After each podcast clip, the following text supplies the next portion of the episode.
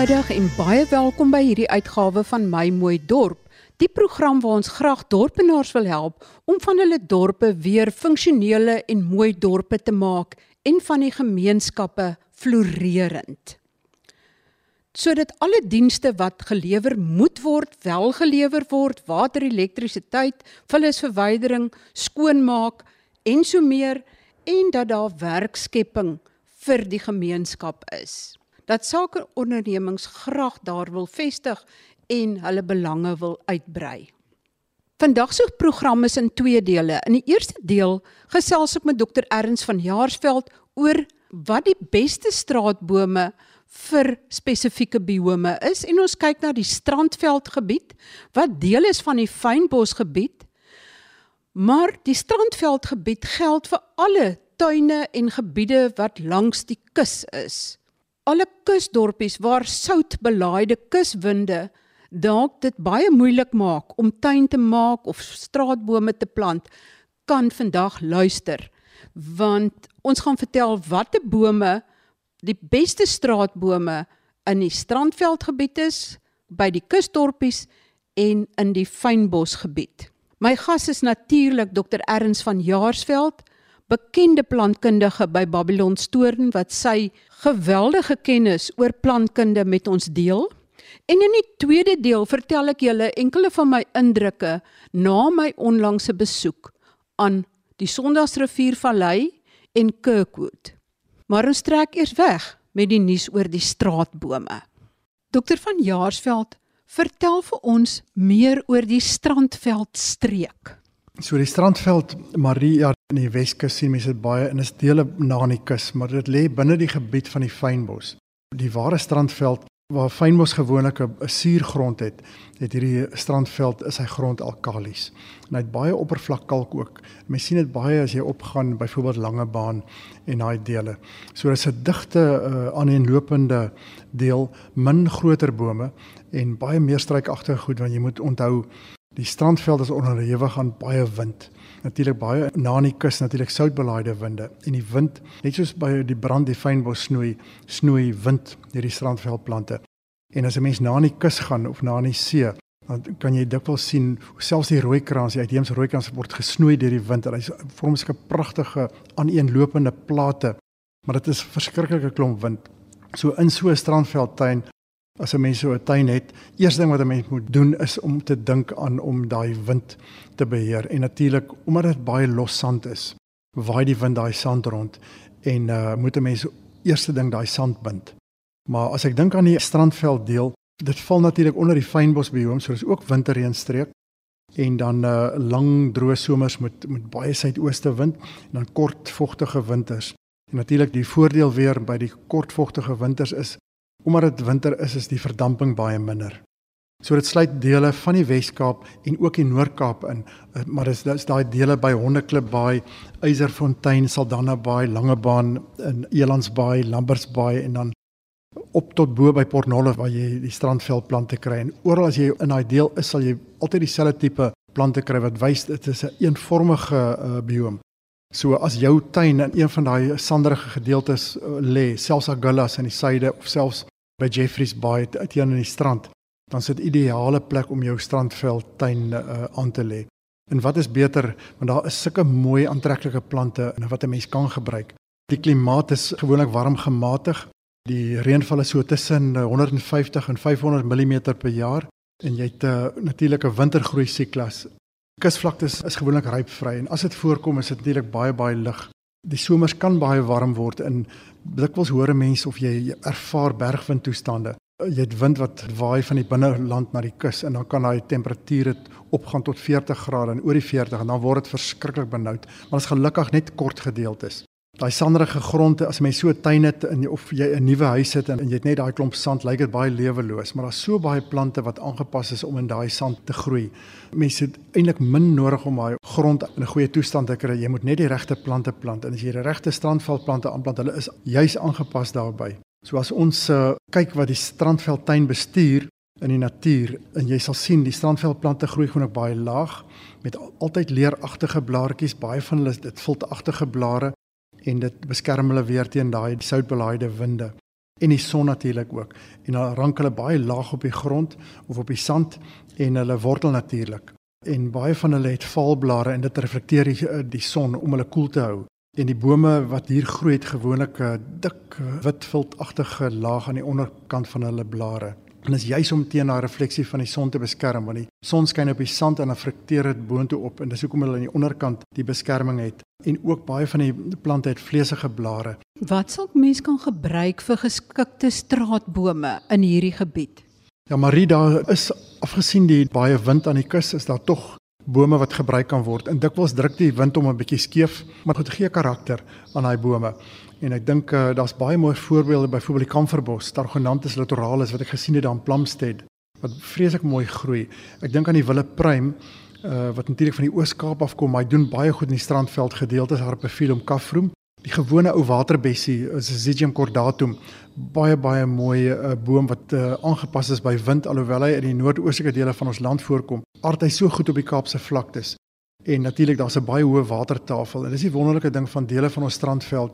Die bome kan hy hoë watertafel benut en as die wortels eers deurgegroei het, hoef jy nie meer na daai boom te kyk nie. Hy is dan heeltemal self onderhoudend. En selfs die olienhoutboom kan gebruik word weer eens, baie droogtebestand, pragtige boontjie en dan ook die ou eh, bos essenhout Trichilia dregiana alhoewel hy 'n bosboom is uit die noordoostelike woudbome. Ek is verstom altyd hoe goed hy na aan die kus groei. En natuurlik van die willevy soorte en dink ek aan twee soorte die ou gewone ficus burkie wat hom so baie sien langs die kus jy moet net pas op as jy hom wil aanplant onthou altyd die eh, sy wortels hulle kan uh, skade aan doen maar die kleiner soort ficus burdavie of die veldvy Jy kan hom ook gebruik om die duine te stabiliseer en hy's nie aggressief nie soos Ficus burdavie die veldvy. Gelukkig die vye bome kan jy maklik van steggies uh, aanteel. En die voordeel van die willevye is natuurlik hulle lok vrugtevretende voëls. So hulle is baie baie sterk groeiers en hulle is ook baie aangepas by die soutbelaaide winde. En dan die kuskoraalboom. Die kuskoraalboom maak ook 'n pragtige straatboom, uh, Erythrina caffra en hy het pragtige donker oranje uh, rooi blomme. Af en toe sien mens is van hulle ook spierwit die saffraan Cassiniperagua word ook soms as 'n straatboom gebruik en ek het dit ook gesien daar in op die Kaapse vlaktes die Elaeodendron crocea die rooi saffraan wat gebruik word. So daar's 'n hele paar wat wat goed aangepas is as straatbome uh Marie. Erns, wat is daardie bome wat baie goeie straatbome sal uitmaak in die fynbos biome? Ja Marie, die fynbos is bekend dat hy maar klein diversiteit bome het, maar daar is wel baie bome van elders in ons, in ons land wat baie baie goed aard in die Vryheidsbosstreek. Maar natuurlik moet hulle uh, somers ook bietjie benat word aan die begin, net tot hulle groot genoeg is. En gelukkig is baie dele van die Vryheidsbosstreek wat daar ondergrondse hoë watertafel is en as daai bome eers gegroei het en hulle wortels in is, dan is hulle absoluut selfonderhoudend. Ek dink byvoorbeeld daar in, in Plumstead is daar baie mooi voorbeelde, byvoorbeeld van die kanverbos. Dis 'n pragtige ou klein boontjie wat uh, ook aangepas om selfs langs die see te groei. Maar hy, doen baie goed. Ek dink aan byvoorbeeld die wille pruim, Harpephyllum caffrum en dan natuurlik ook die waterbessie wat uh hier uit noordelike Natal en aan die Bosveld gedeelte is. So hulle doen baie baie mooi en groei goed en dan ook olienout. Olienout kom oral oor ons land voor in 'n mens kan hom in enige van die veldtipes gebruik word omdat hy so rybestand is, maar hy doen goed in die fynbos. Hy kom natuurlik hier voor ook en 'n uh, baie mooi boontjie. Groei 'n uh, bietjie stadig, maar as 'n mens hom uh, liefde en aandag gee, 'n bietjie kompos by, dan dan is hy baie vinniger. Die Kaapse kastanjing is ook 'n baie mooi kandidaat. Pragtige helder pink blomme hier oor uh, uh Desember en mens sien baie keer die nuisna bosse hoe hy uitstaan. Maar hy's 'n baie baie mooi uh boom wat gerus aangeplant kan word. En dan dink ek ook aan die bos essenhout oral hier in die fynbosstreek in in dorpe byvoorbeeld in die Parel en ook uh Wellington sien mense sulke mooi uh voorbeelde. Sy ander naam is natuurlik Trichilia dregiana. Hy word ook aan die Ooskaap die donderboom genoem. Wat so mooi is van hom, hy daai daai mooi helder glansende blare. Ek dink aan die Kaapse essenhoutboom. Uh, die lyk baie na die uh die ou uh, wille pruim, maar sy blaartjies is nie sekelvormig nie, maar hy het ook sulke eetbare rooi uh, uh vruggies wat natuurlik in 'n habitat deur die ape benut word. Maar is ook 'n baie mooi boom en hy lyk baie dieselfde. Dan is daar die wit stinkhoutboom. Hy's natuurlik bladwisselend uh, in die winters ook onder die geelhoutsoorte. Die gewone ou geelhout Podocarpus falcatus, die ou grootte wat in Nysna bos dis een van ons hoogste en grootste inheemse bome. Die aard baie baie goed en hy's ook redelik droogtebestand. En dan dink ek aan Podocarpus latifolius, hy kom natuurlik voor op Tafelberg. Dis die een wat die verste Wes voorkom van al die bossoorte. Dan is daar ook die Podocarpus uh, elongatus en dit is ons inheemse plaaslike inheemse geelhoutboom. En hy het baie mooi valblare. En dan dink ek ook aan koraalboomsoorte, die kuskoraalboom, Erythrina cafra en uh die een van die bosveld in die noorde Erythrina zayeri doen net so goed met sy baie baie mooi helder rooi blomme. En wat lekker is van hierdie koraalbome, as hulle blom, jy altyd suikerbekkies. So ja, hulle is sulke kleurvolle voeltjies. Hulle sal sommer gereeld kom om van daai lekker soet suiker met hulle bekkies te kom uitsuig. Dan is daar ook die rooi saffraan, Eledendron croquea. Pragtige mooi immergroen boom. Dis die laaste een wat ek wil beklemtoon. Maar ek is seker daar sal nog anderes ook wees wat 'n mens kan uittoets. Want ons het so ons het meer as 1000 boomsoorte en gelukkig hier in die fynbosstreek in die laer liggende gedele kom daar nie ryp voor nie. So baie van hierdie uh, bosveldbome, selfs die worsbome gesien doen uitstekend en hy behoort ook uh, baie mooi te lyk as 'n straatboom. Maar mens moet ook maar versigtig wees want van hierdie bome het dit sy wortels wat sywaarts groei en hulle kan natuurlik ook skade doen aan paaie en en daarom moet 'n mens maar eers kyk wat is die beste om te gebruik. Erns moet mens te alle tye eers na die winter plant sodat die plante in die lengte kan groei of kan ek sommer vandag as die gees my pak iets aanplant? Maar die mens kan eintlik enige tyd van die jaar aanplant. Maar ek probeer altyd die mense aanmoedig, dis altyd beter om aan die begin van 'n plant se groei seisoen aan te plant, want dan daai plant 'n hele seisoen het hy tyd om te vestig. So dis baie baie belangrik. Maar jy's reg. 'n mens kry dikwels inspirasie. Ek is ook so. Dan skielik dink jy, "Oeg, maar dit gaan mooi lyk in my tuin" en jy sien iets en jy koop dit aan. Maar dan is dit natuurlik 'n verantwoordelikheid. As jy dit dan doen en jy plant hom aan selfs in die in die verkeerde tyd van die jaar, dan moet jy maar net vir hom nat gooi. Byvoorbeeld, as ek dink aan al ons somerreënvaldele, daar is dit natuurlik altyd die beste om in die laat winter of in die lente of in die somer aan te plant. Natuurlik as dit die winter reënvalstreek is, dan is dit altyd beter om aan te plant aan die begin van die seisoen, met ander woorde April, as dit begin koeler raak. En dan is jou voordeel ook, daar's minder verdamping. So as jy dan nat gooi ook, dan gaan daai water baie langer behoue bly in die vog.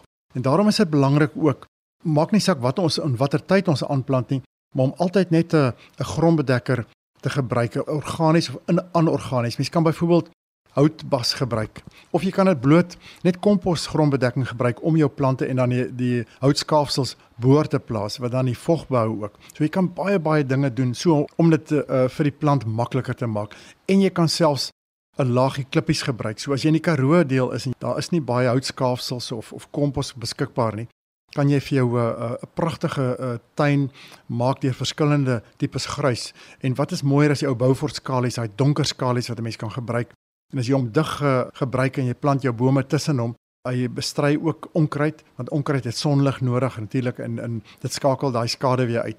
So mens kan ook 'n eh, selfs 'n gryslaag gebruik in ander dele van ons land ook. Afhangende wat in jou omgewing voorkom, daar's ligte grys ook en natuurlik dink ek aan die knersvlakte moet sy 'n kwartsietgrys wat natuurlik reflekteer in die grond baie koel hou. Dit wat ook interessant is jy kan 'n mikroklimaat skep. En dis wat ons by Babylon Storing gedoen het in die nuwe Welwitschia tuin wat ons nou vestig. So dadelik gebruik gemaak van bouvoorskalies wat baie donker is. En die donker absorbeer natuurlik die sonlig en dit skep 'n mikroklimaat van soos 'n semi-woestyn amper. En so kan 'n mens uh, net deur die gebruik gemaak van verskillende tipes grys om terug te keer na jou oorspronklike vraag oor plant, plant wanneer 'n mens wil en geniet dit. Maar onthou net as jy nou byvoorbeeld 'n plant in 'n ander tyd van die jaar plant of sê maar in die droë tyd, dan moet 'n mens maar net 'n bietjie ekstra aandag gee. Maar dit is nie verkeerd nie. So jy kan eintlik enige tyd van die jaar aanplant as jy eh, inspirasie jou beetpak plant en geniet dit. Ek het pas teruggekeer van 'n langerige besoek aan die Sondagsrivier Vallei.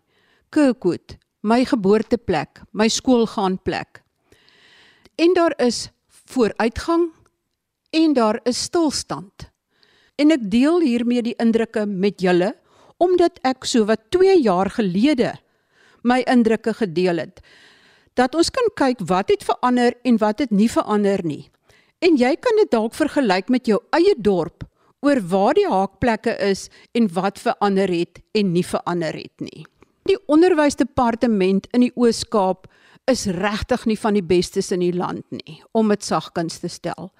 Dan gaan dit nie goed met skole in die Sondagsriviervallei nie. Die model C skool op Kirkwood vaar goed. Dis 'n Afrikaans medium skool met 'n wye diversiteit van leerders. Daar is baie staatskole in die vallei, om en by 30 verneem ek. Baie laerskole ook enkele hoërskole. Die sitrusprodusente het in April 'n hele nuwe rekenaarsentrum met 25 rekenaars by die hoërskool in Moses Mabhida, dis die woongebied naby Kirkwood, geopen sodat die kinders ook rekenaarstudies kan doen. Die skoolhoof is baie dinamies. Op Enon gaan dit goed by die skool. Die laerskoolhoof is baie dinamies. Daar is geen vakante poste nie. Al die poste is gevul en neem in ag dat dit nogal baie administrasiewerk van 'n skoolhoof of 'n adjunkhoof kos om seker te maak dat al die skool se vakante poste gevul is. Ek het verlede week gesels oor 'n baie interessante ekoprogram en die biblioteek by St Columkill skool in Kirkwood. Ek verneem daar is tans en reeds die afgelope jaar 5 vakante poste by die skool. Daar is 'n onderwysbegroting vir die poste. Met ander woorde, daar is geld om die onderwysers te betaal, maar die poste is al vir 'n jaar lank nie gevul nie. Die vraag is, waar lê die probleem? Is dit die skoolhoof wat moet seker maak dat die poste gevul word? En indien dit nie gevul is nie, voor wie se deur lê daardie probleem? Dan is daar probleme in baie van die staatslaerskole in die vallei wat na een van die staatshoërskole toe gaan. Maar as hulle in graad 8 kom kan hulle nie lees of skryf nie. En teen graad 9 en graad 10 sukkel daai kinders nog steeds om te lees en te skryf. Nou wat gebeur dan by die laerskool dat die kinders nie kan lees of skryf nie? Is dit die onderwysers? Is dit die kinders? Die leerlinge? Is dit die ouers wat onbetrokke is? Waar lê die probleem en hoekom word dit nie reggestel nie? Waar is die Oos-Kaapse Onderwysdepartement? Dan het ek ook 'n draai gaan maak by die maatskaplike dienste se kantoor op Kirkwood. Dit is 'n redelike nuwe gebou. Die een kant van die gebou is net ene ligreëling. As jy instap is daar matte, mooi kantore, lesenaars, rekenaars, alles baie nuut, goed ingerig, lekker kantore. Die bossies op die plaveisel waar mens moet parkeer, slaan oral uit. Die gras op die erf staan heuphoogte. Die hoof van daai eenheid was die dag of die twee kere toe ek daar besoek het, nie daar nie, was met vakansie. Maar ek verneem dat baie van die personeel daag eers 9 uur op en vertrek reeds 2:30 want die transport wat hulle moet terugneem na hulle huise op Uitenaag of Addo of die Baai vertrek half 3 maar hulle word betaal vir 8 ure se werk 'n dag. Hoe werk dit? Hierdie navraag en die navraag oor die onderwys het ek reeds gerig aan die verskeie departemente want daar is heelwat probleme wat intussen tyd aangemeld is, maatskaplike probleme. En dan is daar net geen reaksie daarop nie. Waarop van die mense wat by die maatskaplike dienste kantoor was gesê het dat die server al maande lank nie werk nie, dat dit aangemeld is dat hulle dus geen e-posse kan ontvang nie. Maar niemand het enige iemand laat weet dat as daar klagtes is of dat die polisie dit dan nie per e-pos moet aanmeld nie, maar 'n brief moet laat aflewer of hulle moet bel nie. Dit is die situasie. Ek hoop as ek weer daaroor gesels dat hierdie probleme uitgesorteer is want dit is nie moeilik om dit uit te sorteer nie. En as daar ander probleme is wat alles in die wiele ry, behoort dit lig te kry dat almal daarvan weet. En dan kom ons by die Suid-Afrikaanse Polisie Diens se kantoor op Kirkwood. 2 jaar gelede het die gemeenskap nie die polisie vertrou nie. En dit is steeds presies dieselfde situasie. Niks het verander nie. Baie gevalle van kabeldiefstal word nie aangemeld nie omdat die polisie niks daaraan doen nie. Baie gevalle van diefstal en probleme word aangemeld en dan maak die polisie nie 'n dossier daarvoor oop nie. Met ander woorde, op die ou einde lyk die statistieke fantasties. Dis 'n verskriklike vredelewende gemeenskap, 'n wonderlike vallei met geen diefstal of enige probleme nie terwyl daar eintlik baie baie kabeldiefstal is, baie diefstal van lemoene en ek sal op 'n latere geleentheid verder daarop ingaan want dit is baie moeilik om op te los, baie moeilik om te bewys. Maar die dossiere vir baie dinge wat aangemeld word, word nie oopgemaak nie en reflekteer nie in die statistiek nie. Dit kan beteken dat hierdie polisiestasie afgegradeer kan word van kolonelstatus na kapteinstatus. Mense in spesifieke woongebiede, die oumas, is bitter besorg oor hulle kinders wat tik en ander dwelms gebruik, maar hulle is te bang om dit by die polisie aan te meld. Want daar is baie baie stories in die vallei en eintlik nie net stories nie, dit is eintlik oop geheime maar niemand meld dit by die polisie aan nie. Byvoorbeeld, een van die stories, die oop geheime is dat daar baie noue verbintenis is tussen van die dwelmkartelle en die polisie. Dat daar baie noue verbinding is tussen kabeldiefstal en die polisie. Dat daar baie nou verbinding is tussen perlemoenberging en die polisie. Almal weet wie's die dwelmhandelaars wat die tik en die ander dwelms in die dorp inbring. Maar die polisie doen niks daaraan nie. Die vraag is hoekom nie? En dit is wat die gemeenskap ook vra. Hoekom nie? Ek hoop om binnekort met een van die polisiehoofde van Oos-Kaap te gesels. Ek hoop ook om binnekort in hierdie program met een van die onderwyshoofde van Oos-Kaap te gesels en ek hoop om, om binnekort met een van die maatskaplike hoofde van Oos-Kaap te gesels. Tot volgende week wanneer ek hoop om meer positiewe nuus vir julle te bring. Baie groete van my, Marie Hudson.